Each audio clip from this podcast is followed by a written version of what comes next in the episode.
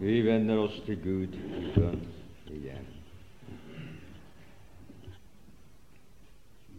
Takk for evangeliets sannheter i sang. Takk for ordet som vi har lyttet til. Er ditt sannhetsord som fjerner all som ikke er rett, og viser oss veien. Takk for ditt kjærlige ord, som fyller hjertet med glede. Takk, Herre, for ditt frelsende ord, som gir oss trygghet og visshet. Og når vi nå er samlet for å tale om ditt dømmende ord, som forteller hvordan det vil gå dem som ikke tror på deg, ikke tar imot dine varsler, så ber vi deg at det måtte få lov å bevirke på alle dem som ikke kjenner deg, som ikke har fattet et annet sinn, som ikke har sagt ja til deg, at de gjør det i kveld. Du hører oss, vår Gud, i Jesu Kristi navn. Amen. Vi skal lese det avsnitt som er min tekst for kvelden. Når det finnes i det samme, den samme bok som vår bror leste, og like i nærheten der. Det er Esaias, det 28. kapittelet.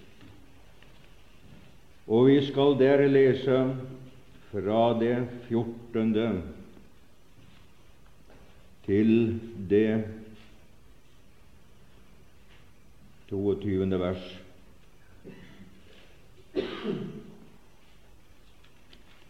Og vi leser i Herrens navn. Derfor hør Herrens ord i spottere, i som hersker over folkene i Jerusalem. Det gjaldt datiden. For i sier vi har gjort en pakt med døden og et forbund med dødsriket. Når den susende svepe farer frem, skal en ikke nå oss, for jeg har gjort løgn til vår tilflukt og svik til vår skjul. Derfor sier Herren Israel så, se, jeg har lagt i Sion en grunnsten, en prøvet sten, en kostelig fast hjørnesten. Den som tror, haster ikke. Det er tiden efter Jesu Kristi døde oppstandelse som også disse ord om døden og dødsriket gjelder.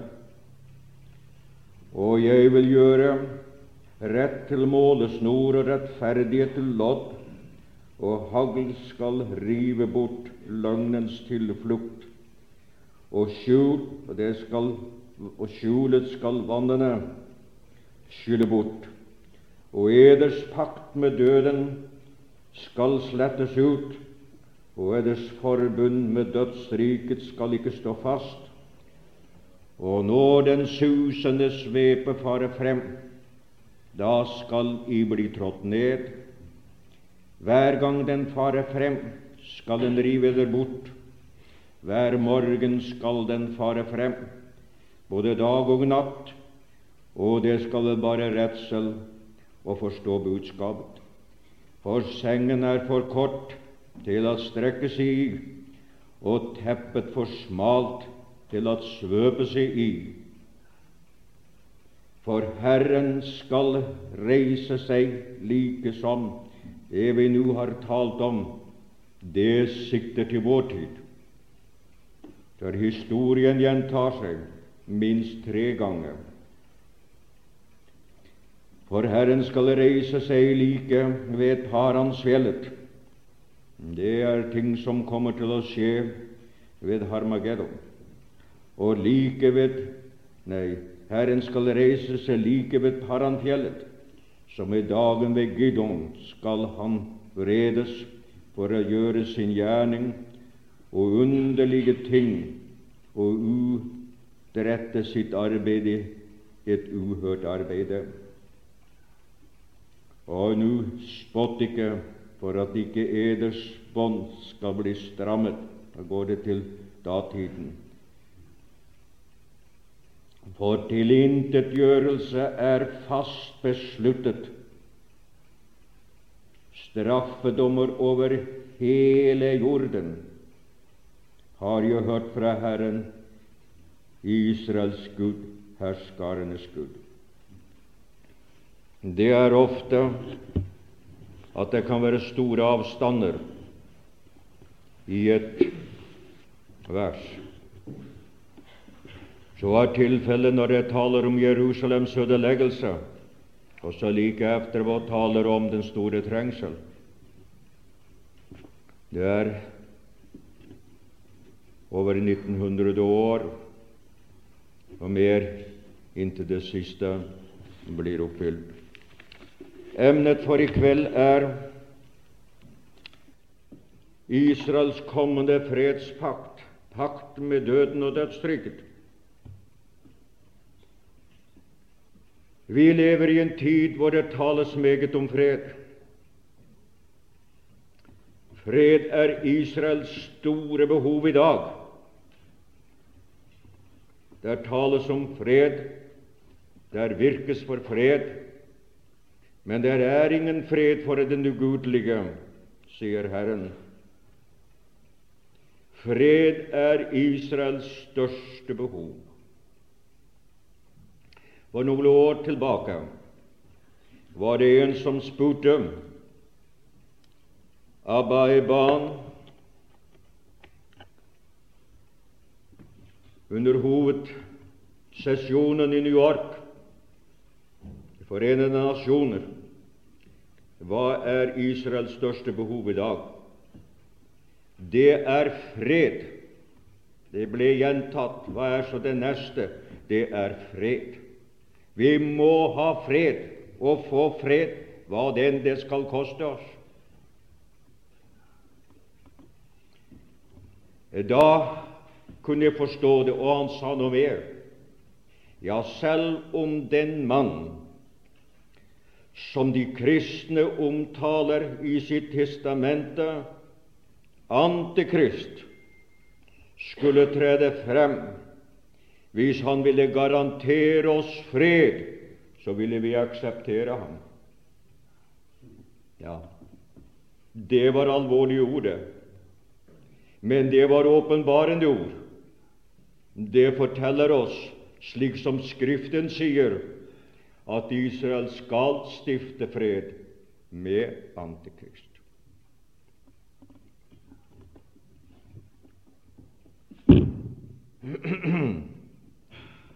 Kissinger er nok en dyktig statsmann. Ingen i verdenshistorien har vel så reist så meget og arbeidet for fred i øst og vest og syd og nord som ham. Men jeg er redd for at det blir på bekostning av Israel. At de som er blitt angrepet, må gi fra seg men angriperne går fri. At de som har angrepet og ville tilintetgjøre, de blir belønnet.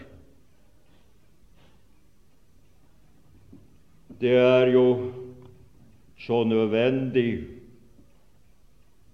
for oljens skyld.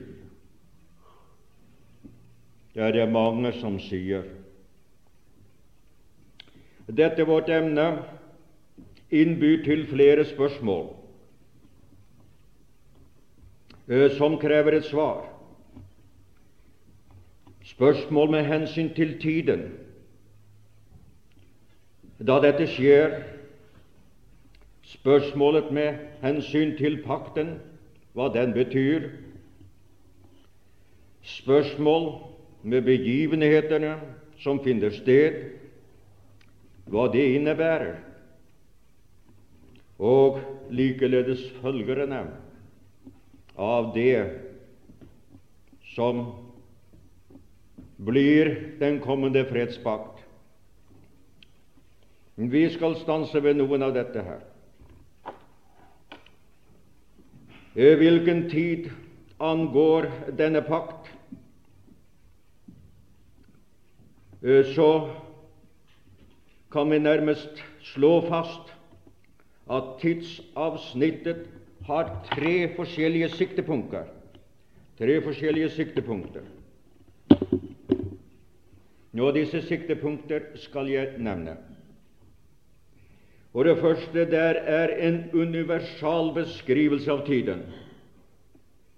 Når pakten blir opprettet, en universal som angår hele verden. Du finner det i vers 22. Der er det omtalt. For tilintetgjørelse er fast besluttet, straffedommer over hele jorden, har jo hørt fra Herren. Universal straff, universal tilintetgjørelse, det tar disse ordene helt frem til Kristi åpenbarelse, med dommen over nasjonene som avslutning for dette.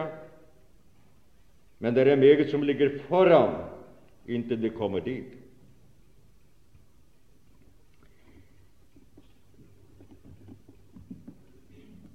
Denne dom, det må komme Det forferdelige første Tessalonikene 8.3. Når det sier fred og ingen fare, da er det jo, da jo, jo oppnådd fred. Og det er den som vi nå skal gå inn i til å begynne med. Og ingen fare. Da kommer en brå, dvs. Si en hurtig undergang, over dem, like som værene over den fruktsommelige. Og når værene begynner, da er det ut i den store trengsel. Og så sies det at de skal ikke unnfly, og det kommer til å skje når Han åpenbares det til å ta hevn over de ugudelige. Der er også en moralsk beskrivelse av tiden, som da rådet i Israel, og du finner det i det 14. verset. Derfor hør Herrens ord, Isbottere, i som hersker over folkene her i Jerusalem.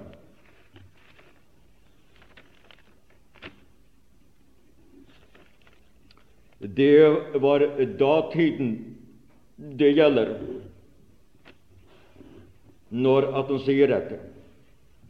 Spottere som hadde inngått en pakt. Men det skal gjenta seg ved dens tid.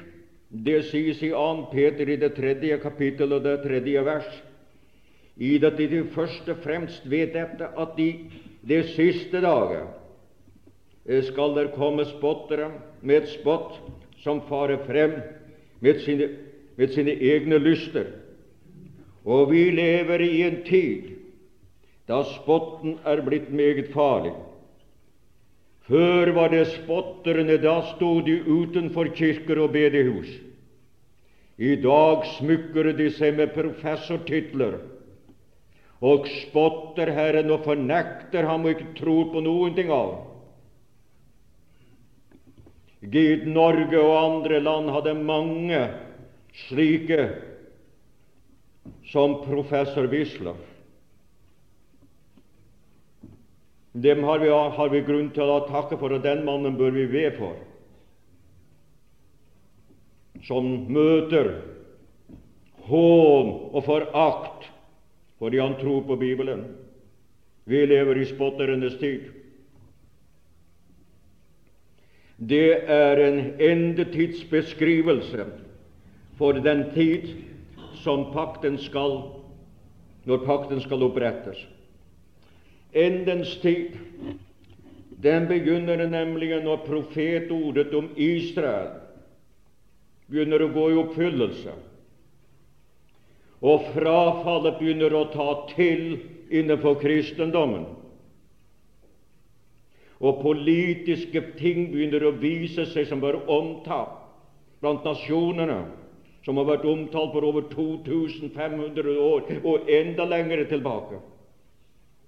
For det skjer nemlig i endens tid, og vi lever i denne tid. Det er begynnelsen da. Det er som det ble nevnt også litt i går, men det har jeg i min preken og får ta det med i Lukas 21. kapittel og det 29. og det til 31. Og han sa en lignelse til dem. Se på fikentreet, det vil si Israel, og på det andre trær, og på alle trær, det er nasjonene, som jo er fiendtlig innstilt for Israel. Så snart der springer ut og vi ser det, da vet de at sommeren er, det vil si den messianske sommer. Men her mener jo at da er jo et kjennetegn på når man ser disse, da blir det eh, sommer. Men den åndelige betydning, det er den messianske sommer. For når disse tegn skjer i Israel, da er det ikke lang tid av endens tid før at det blir virkelig. Da vet de, når vi ser dette skje, skal vi vite at Guds rike er nær. Ja, alt dette ser vi i våre dager. Endens tid, det er den siste del av hedningenes tid. Jeg må nevne noe om det.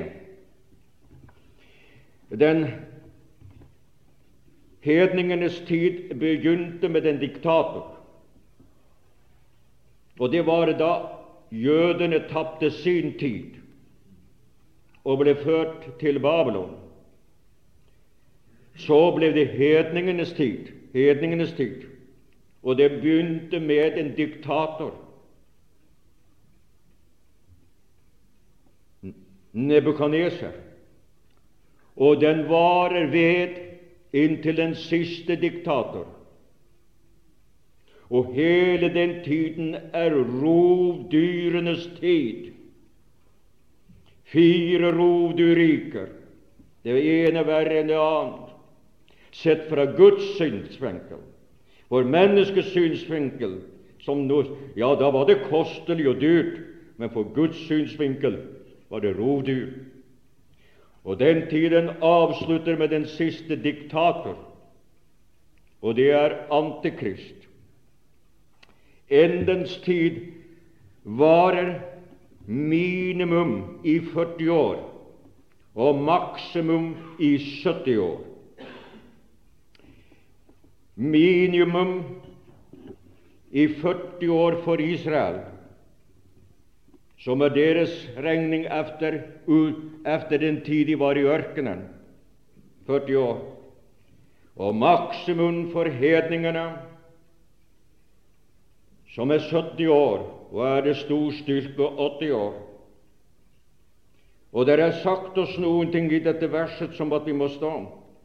Denne slekt skal ingenlunde forgå før det skjer alt sammen.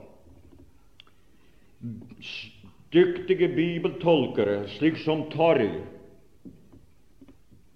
og ham kjenner de nok til, og som Grent, og som Bullinger. Og som Resi. Oversetter det på følgende måte. Ikke helt likedan, men med meningen er det samme. Den generasjon som da lever, skal ingenlunde dø før det skjer alt sammen. Tenk på det. Dyktige bibeltolkere sier det kan sikte både til datiden og til fremtiden. Og det er jo klart, for det var sagt om en, en lokal forfølgelse som skulle få en universal forfølgelse til slutt. Den generasjon som levde da Jesus sa det, romergenerasjonen som hadde makten, de fikk oppleve dette, og Israel fikk oppleve det. Av ca. 40 år fra Kristus sa dem, og til det gikk i oppfølgelse. Og den nasjon, de som lever i den tid nå, skal ikke dø før det har skjedd alt sammen. Men vi vet bare ikke hva tid den begynte. Noen mener jo at det må regnes fra da Israel fikk sitt land, og atter kom tilbake til landet og ble herrer i landet i 1948. Atter andre mener andre ting, og jeg kan ikke si dere hvilket år, for jeg tror ikke på å sette tider og grenser. Men tidsavsnittet er vi inne. Vi er inne i tidsavsnittet. Og så skal vi være våkne av det uten å sette og si ja, det skal bli i det året, fra det året til det det. Jeg bare fremholder vi er inne i tiden. Det skal vi tenke på. Det er dette, og det er i denne tid at denne pakten skal opprettes symbolsk fra før, virkelig i, i dagene som kommer. For det er det sted som Israel behøver, og det er det som han har vært talt helt fra 48 til fred må det bli i Østeland. Og araberne har ikke villet, Israel har villet hele tiden. Nå er det begynt å komme på talefot med det annet. Og når det skjer, så vil vi komme til å vite hva det innebærer.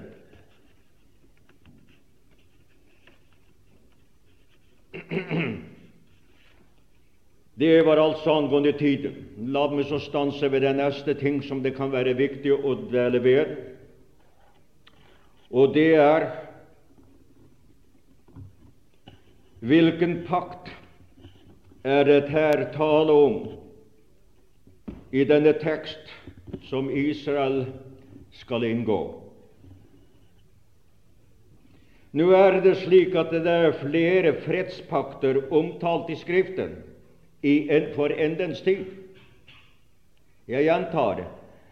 Det er ikke mindre enn tre forskjellige fredstakter som skal opprettes som hører fremtiden til. Vi skal, vi skal begynne med den som er lengst borte, som er lengst unna.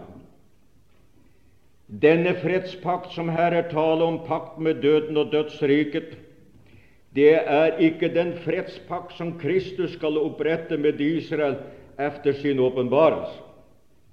For den fredspakt den er omtalt i Esekiel i det 37. kapittel, fra vers 25 til 26.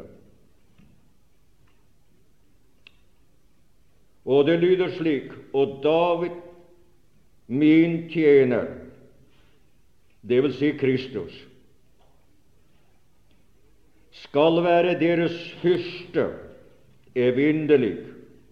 Og jeg, det vil si Gud som sier, jeg vil gjøre en fredspakt med dem en evig pakt med dem skal det være.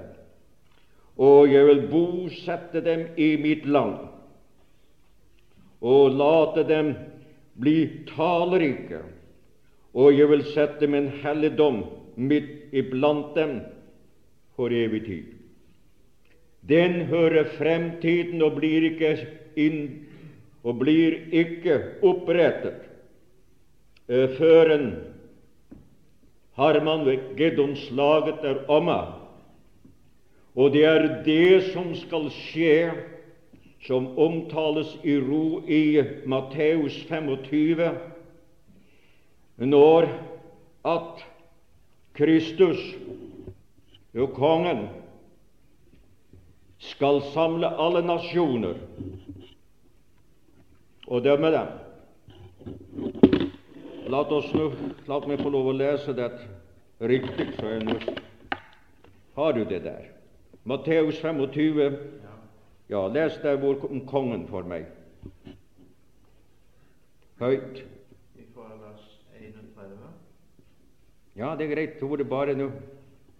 Men når Menneskesønnen kommer i sin herlighet og alle englene med ham, da skal han sitte på sin herlighetstrone, og alle folkeslag skal samles for hans åsyn og han skal skille dem fra hverandre, like som hurden skiller fårene fra gjetene. Han skal sitte på sin herlighetstrone, og det er ikke individene som skal dømmes. Det er folkeslagene, og på engelsk står det 'the nation', nasjonene. Det er nasjonene skal dømmes, ikke individene. Og det er hans brødre Israel. For han har to slags brødre, hans minste brødre. Og de er det er, hans, det er Israels folk efter kjødet. Og han har sine større brødre. Det er dem som er hans brødre efter ånden. Da de er hjemme med ham.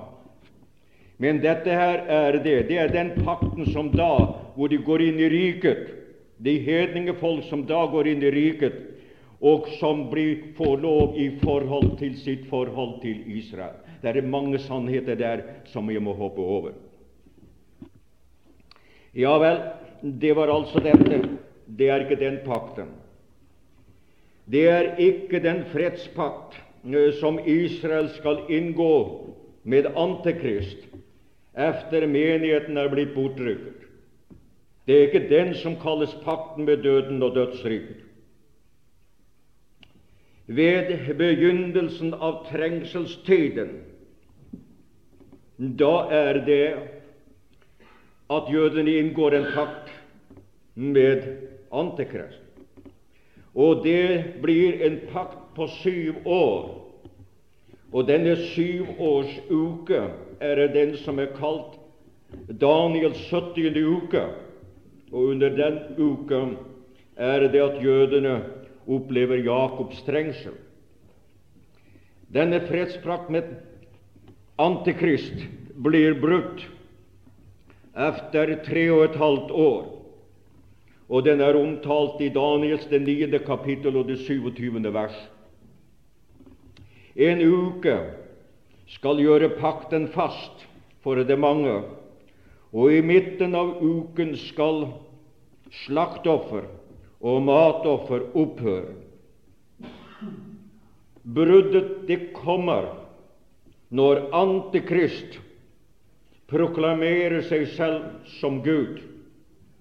Da kommer brudet. Da vil Israel oppdage at de har blitt bedratt. Og du skal få høre om det hva det står. Jeg skal lese i Åpenbaringen, det 13. kapittel og det 8. vers. Han som står imot og opphøyer seg over alt som kalles Gud eller helligdom. Og han setter seg i Guds tempel og gir seg selv ut for å være Gud. Det er altså ikke den pakt som kalles dødens pakt. Nå har vi talt om to, for denne her pakten kommer efter at menigheten er bortrykket, dvs. Si pakten med Antikrist men en pakt som, som Israel skal inngå før menigheten er bortrykket, før De forenede stater i Europa er blitt en virkelighet, før Antikrist er kommet, har vist seg hvem han er. Det er den pakt som vi har lest om som er omtalt i Esaias det 28. kapittel og det 15. vers. pakten med døden og dødsriket, og et forbund med dødsriket. Det blir inngått, som jeg sa, før Kristus henter sin menighet. Og jeg gjentar det igjen. Den blir inngått før det er blitt et forenede stater i Europa. Vi skal tale om, om fellesmarkedet til Romatraktaten i morgen. Og den blir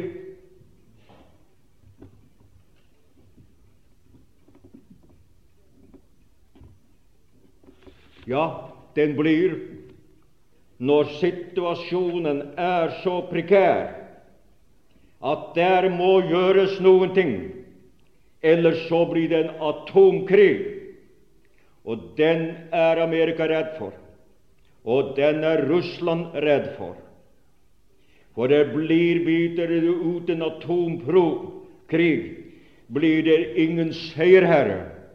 Alle blir beseiret knust og tilintetgjort. Og derfor er de redd for hva araberne kan finne på. Og Israel får sin støtte fra Amerika, har i det minste fått det. Og ramene har en ubegrenset støtte eh, fra Russland. Men Russland er den som kan si 'gå på', og når den ikke gjør det, så tør de ikke. Sådan er situasjonen. Sådan er situasjonen. Nå skal vi så merke oss den tredje ting. Jeg gjør det, oppstiller mitt emne systematisk for å gjøre det klart, så det er lettere å forstå og lettere å huske. Vi tar et tredje ting, og det er hvem skal Israel inngå pakt med? Denne pakt som kalles pakten med døden og dødsriket.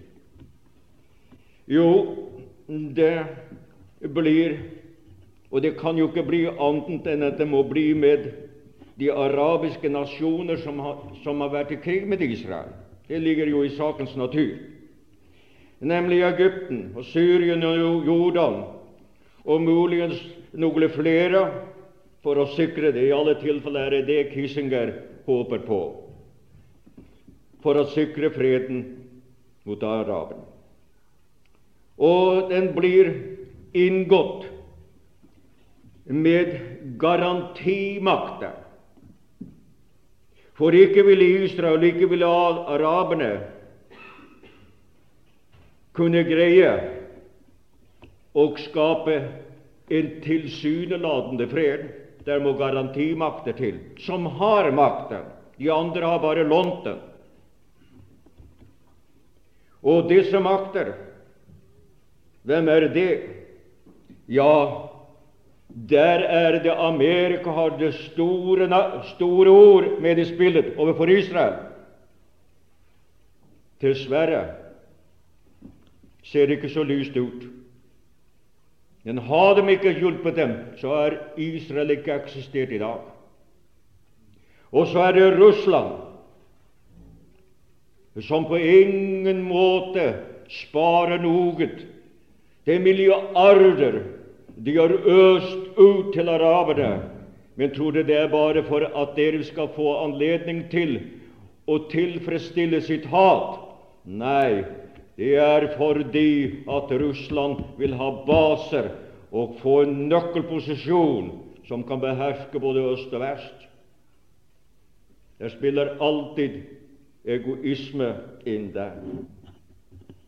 Er nå disse makter verd å stole på som fredsgarantister?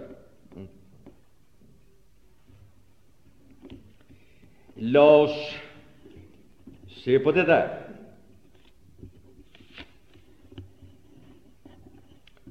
England, som nesten alltid har lurt jødene. De var en stygg samvittighet Over to millioner jøder kunne ha blitt spart for, for gasskamrene om England ikke hadde sagt nei under Chamberlains tid. De var tilbudt det, og da de ikke tok imot, så ville Hitler av med jødene, og så ble det bygd gasskamre.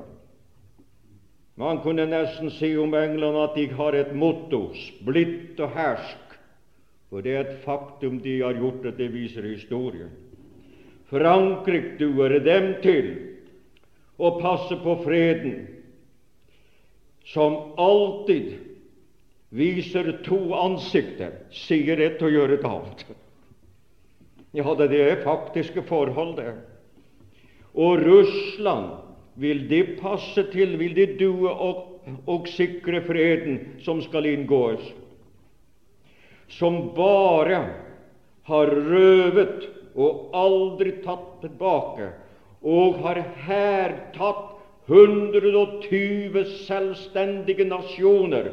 For så mange folk tales der innenfor det russiske. For så mange språk tales det innenfor det russiske området. Har de villet gi tilbake Lettland, Latvien og Litauen og alle de andre, og disse Balkanstatene, eller de øststatene, østeuropeiske stater? Nei, de har ikke.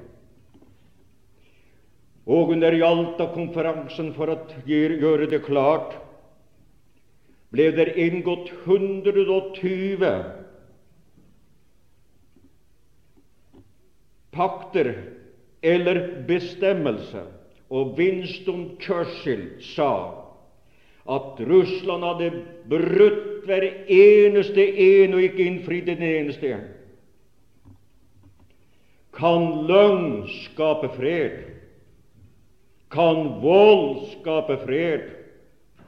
Nei, Russland er den siste til at man kan stole på. Kan araberne sikre det, som har kun et eneste stort ønske, og det er å utrydde Israel til siste mann, om de kan få anledning til det? Nei. Men la oss se litt på, på sakene så alvorlig som det er fra en symbolsk side. Alle disse nasjoner som så å si kommer til å være implisert, de har rovdyremblemer som statsvåpen. Tror du det er bare for ingenting? Det? Nei, det skal symbolisere deres styrke og deres, så å si, intensjon. Slagbjørnen Russland Tror du at, han, at denne slagbjørnen er egnet til å skape fred? De sier at bjørnen er forferdelig lumske. De kan aldri bli temt. Løven England og dens cubs, som det står på engelsk, eller dens uh, valper, nemlig kolonierne Kan løver skape fred? Det er ikke løver som rett og slett har freden.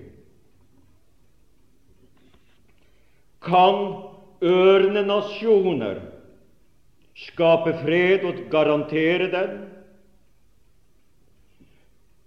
USA er den store ørn omtalt i åpenbaringen. Tyskland ble en stekket ørn. Og Frankrike er også en ørnenasjon, og så er Italia. Bare emblemene selger hva de står for. Og den lille løve Norge er jo ingen redd for. Og heller ikke Danmark når det kommer til stykket. Nei, mine venner,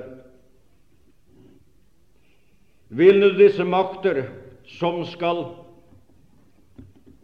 inngå fred med Israel, fjerne alt det som er grunnen til krig?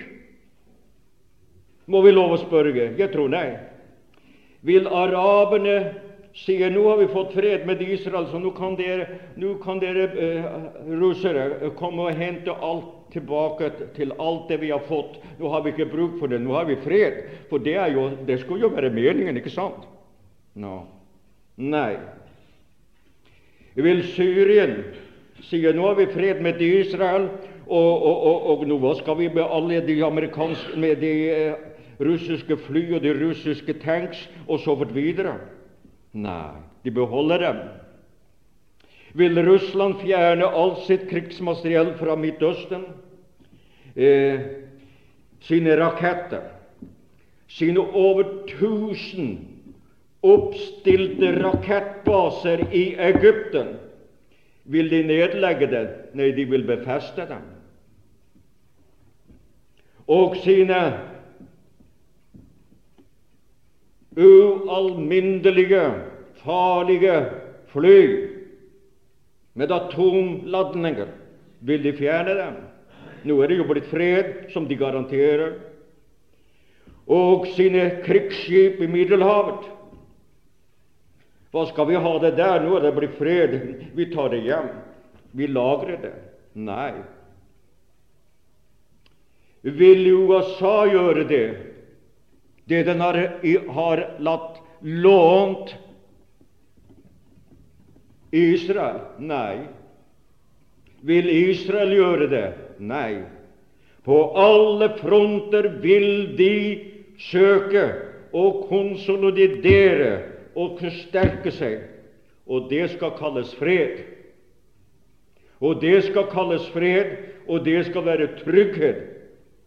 Akk, hvor menneskene kan bli bedratt, hvor man kan bli blindet og tro at dette er Det er ikke merkelig at det kalles en pakt med døden og dødsriket. Så kommer jeg til den fjerde side vi må se litt nærmere på.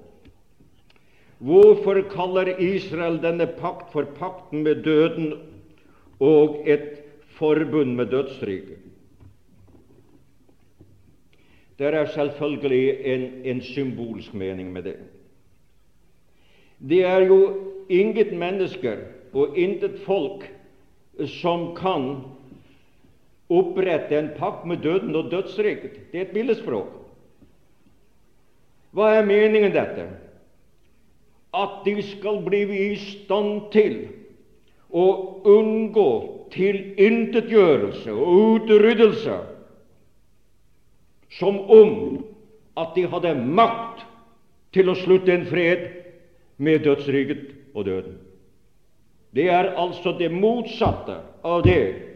Så farlig er situasjonen at hvis det kan frø, så er det det at de slipper å bli tilintetgjort.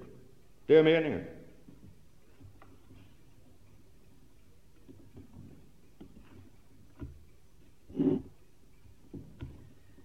Der blir en moralsk grunn til betegnelsen av denne pakten, pakt med døden og dødsriket. Pakten blir bare ja, pakten blir bare er basert på løgn og, svik. Ja, i vers 15 står det vi har gjort løgn til vår tilflukt og svik til vår skjul.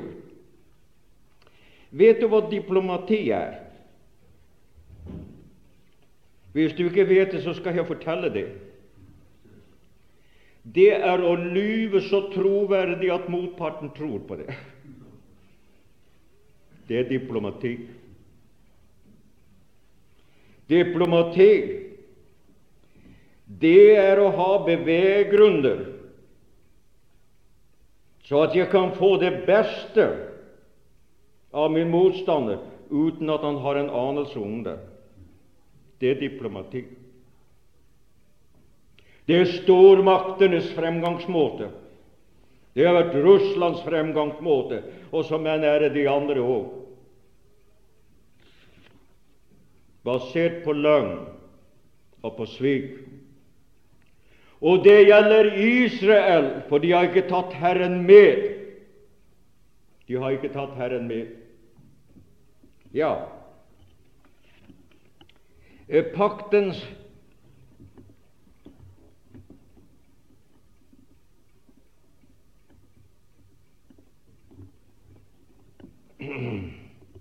Ja, paktens motiver viser at Israel slett ikke stoler på dem.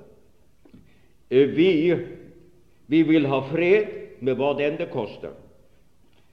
Og det blir en militær skuffelse. De regner med at de skal sikre freden. Det her er omtalt hvordan det blir en skuffelse for dem, men det er derfor. Og når den susende svøpe farer frem, skal den ikke nå oss. Det vil si, pakten skal gardere oss mot lumske overfall. Den susende svepe kunne være en bedre beskrivelse av det moderne skyts som lager låt når den kommer frem, og som rammer så hardt. Nei, det er det ikke. Så til slutt hva blir følgende for Israel av denne fredspakt?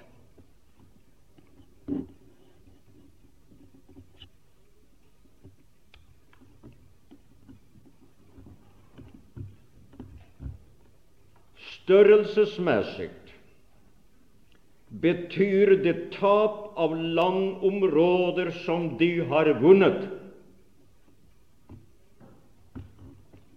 Landets areal i lengden blir for kort. Og så skal jeg lese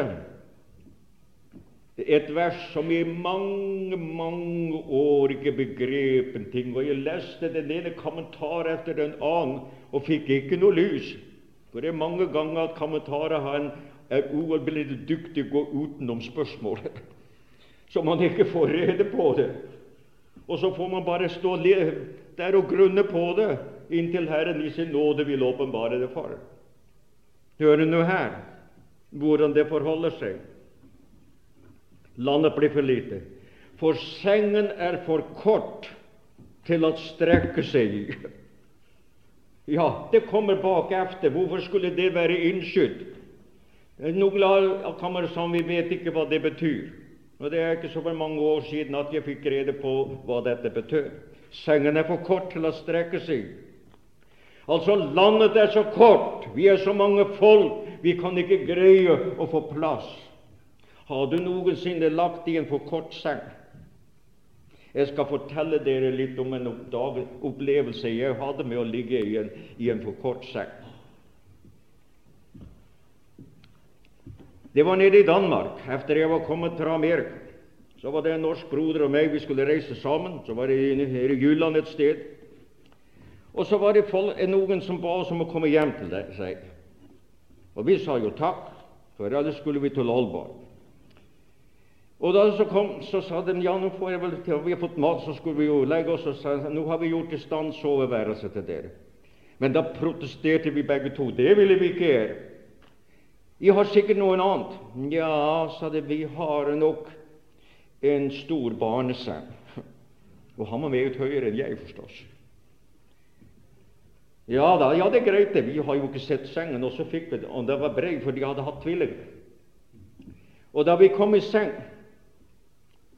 ja da, jeg kan jo ikke vise det hvor, men knærne de sto nokså for langt oppe på det her viset. stod knærne. Og vi kunne jo ikke Og, og, og, og teppet var ikke lengre som så. Det var lengden av teppet. Det var like langt som det var bredt. Så sa jeg til ham, du broder, du er så meget lenger enn jeg. Skal vi ikke prøve å ligge i kors? Du setter dine føtter, så stikker jeg mine under dine. Og så lå vi i kors. Men enda kunne vi ikke strekke oss ut. Da vi jeg lagt en stund, det var midt på vinteren, sa jeg skal vi ikke flytte teppet litt? Jo. Så flyttet vi dit opp. Så var det så meget av føttene som ikke hadde noen ting i vinterkulden. Vi har lagt det til. Er du våken? Ja. Skal vi ikke flytte det ned? Slik gikk vi, holdt vi på å flytte opp og ned hele natten og ikke fikk blund på våre senger. Det var fordi sengen var for kort. Slik vil bli situasjonen prekær, vanskelig, fordi ved fredsslutningen vil det være har de fått så lite land at det lar seg ikke gjøre. Landet vil være så smalt at det er umulig for Israel å forsvare seg. Det er jo derfor de er ivrige til å gardere seg forsvarsmuligheter. Det står i det 19. vers. Nei, det var ikke det 19. Det er Skal vi se Der fikk jeg visst ting. Det er nemlig Og teppet er for smalt til å svøpe seg i. Har du også opplevd det? Det har jeg også opplevd i trussel en gang. Og det var også midt på vinteren, det var nesten 20 grader. Jeg var veldig glad da morgenen kom. Ja, mine venner, men det er bare de to, to ganger i mitt, hele mitt liv. Ellers har jeg hatt, hatt gode senger alle steds og hatt det veldig bra, så godt som det kunne være. Bare to ganger i mitt liv. Og det sier ikke så lite når jeg er såpass gammel som jeg er. Altså, landet blir for kort, og landet blir for smalt så de kan ikke skjule. Det blir følgen av dette. Og det er ikke så merkelig, fordi at uh, De forenede stater Nei, fordi at uh, i 1947 vedtok De forenede nasjoner at Israel skulle få lov å ha et område som var 9000 kvadratmeter stort, istedenfor de 72 000 kvadratmeter, kvadratkilometer, forstås, som det var opprinnelig lovet. Og da var hele området i den planen var hele området på vestsiden av Jordan skulle Israel evakuere. De skulle ikke ha det. De skulle ikke ha det. Og også Gazastripen. Palestina-araberne skulle flytte tilbake. Det er dette som nå araberne pukker på at Israel De vil ikke ha fred før at Israel er der. Da kan jeg skjønne det, hvor vanskelig det blir for dem. Hva blir så følgende? Jeg sa det Jo, det følgende blir av dette, det kan man ikke komme bort fra. At militært sett så blir det en stor skuffelse. Vi skal lese om hva det står i det 18. vers. Sabotasje og angrepshandlinger vil fortsette etter freden er inngått. Vi leser når den susende svepe farer frem, da skal i bli trådt ned. Det vil si det at Israel kommer til å oppleve store tap. Og langrekkende våpen og bombingen vil ramme Israel ofte i denne tiden. Les hva det står i det 19. vers. Hver gang den farer frem, altså den susende svepe, skal den rive eder bort Altså det blir en stor tapsliste for Israel. under freden som er erklært. Og denne beskytning vil foregå både dag og natt, står det i det 19. vers. Hver morgen skal den fare frem, altså den susende sveve, både dag og natt. Det er en merkelig fred, skulle jeg tro. Og trygghetsfølelsen blir istedenfor trygghetsfølelse som fred skulle skape, blir det et mareritt. Og den er beskrevet også i det 19. vers. Og alle, din, og alle disse angrep vil skape panikk i Israel.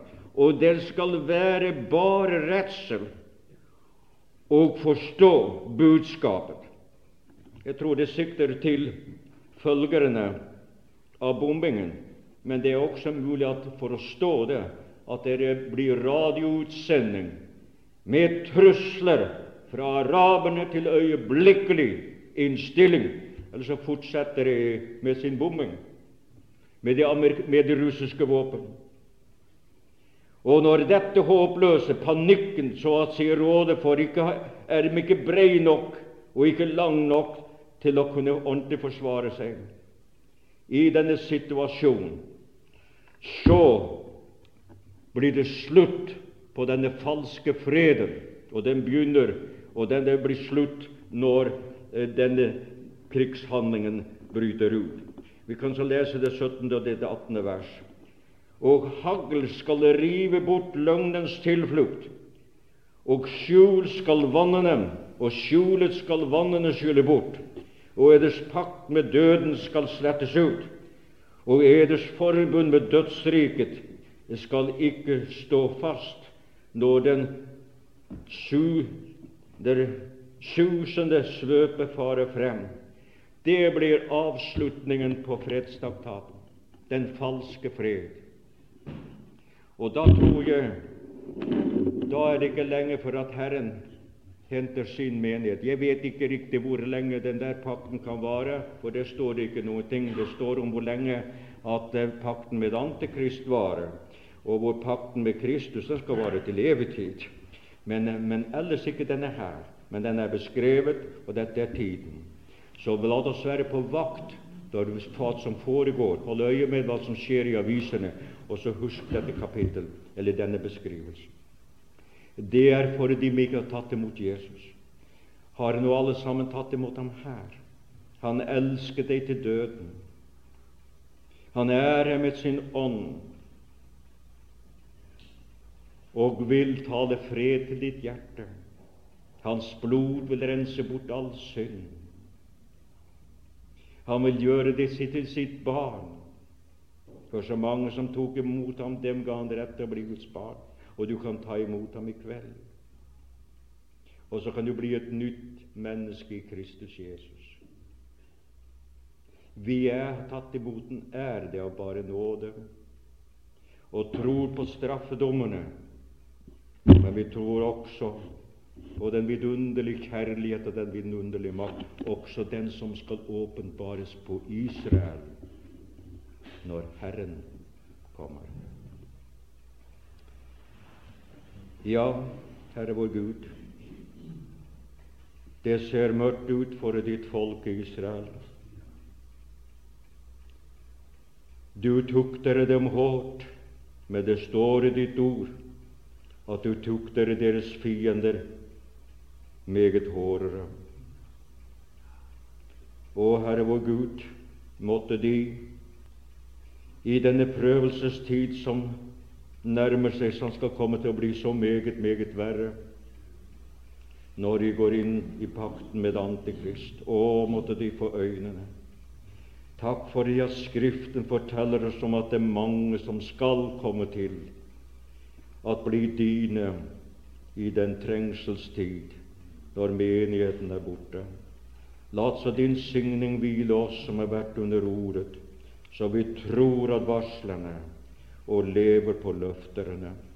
Det høver du oss så god Gud, for Jesus skyld og i Jesu navn.